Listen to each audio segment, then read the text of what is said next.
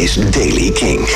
Nieuws over Rush, David Bowie en Pearl Jam. Dit is de Daily King van maandag 13 januari. Neil Peart, drummer van de band Rush, is dit weekend overleden. Hij was 67 jaar en had al een poos kanker. Volgens velen is hij een van de allerbeste rockdrummers ooit. Bovendien was hij ook een belangrijk tekstschrijver voor de band. Zo schreef hij onder meer de hit The Spirit of Radio.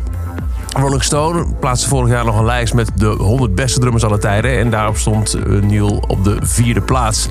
Veel artiesten hebben hun eer al betoond aan Neil.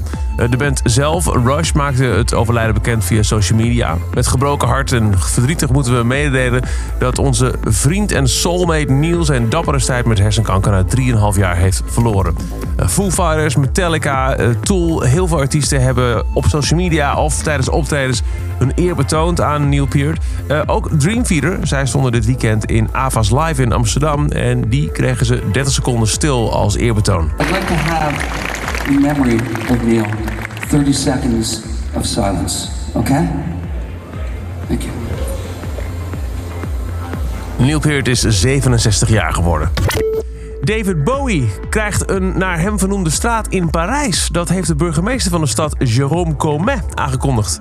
Comet is groot fan van Bowie en hij maakte bekend dat er binnenkort een Rue David Bowie zal komen in het 13e arrondissement van Parijs, vlakbij station Austerlitz in het zuidoosten van eh, de Franse hoofdstad. Bowie had volgens de burgemeester een sterke band met uh, Parijs. De Parijse Raad moet in februari de naam nog goedkeuren, maar zegt Comet dat is het normaal gesproken een formaliteit en hij verwacht daar geen problemen bij. En Pearl Jam lijkt te hinten op iets dat Gigaton gaat heten. Een single, een album. Uh, dat hebben ze onder meer gedaan via een wereldwijde augmented reality speurtocht. Vrijdag kwamen er twee artworks zonder enige verdere uitleg online. Onder andere het logo van de band in een soort van hartslaglijn. Daarna kwam er een interactieve kaart op de website van Pearl Jam... die ertoe heeft geleid dat fans over de hele wereld coördinaten hebben bezocht... op meerdere plekken op de aarde.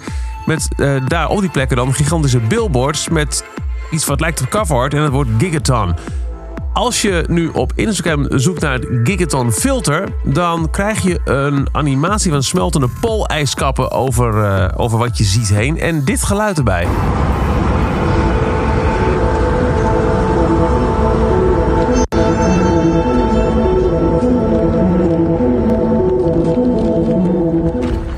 Het. Uh, Gigaton is de, de, de, de, de meeteenheid waarin het smelten van poolijskappen wordt gemeten. Dat doe je dus in gigaton.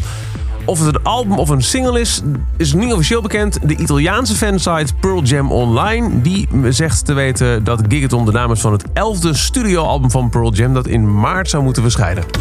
En het is zover de Daily Kink. Elke dag in een paar minuten het laatste muzieknieuws. Mis niks. Luister dag in dag uit via kink.nl, de Kink-app of waar je ook maar naar podcast luistert. Elke dag het laatste muzieknieuws en de belangrijkste releases in de Daily Kink. Check hem op kink.nl of vraag om Daily Kink aan je smart speaker.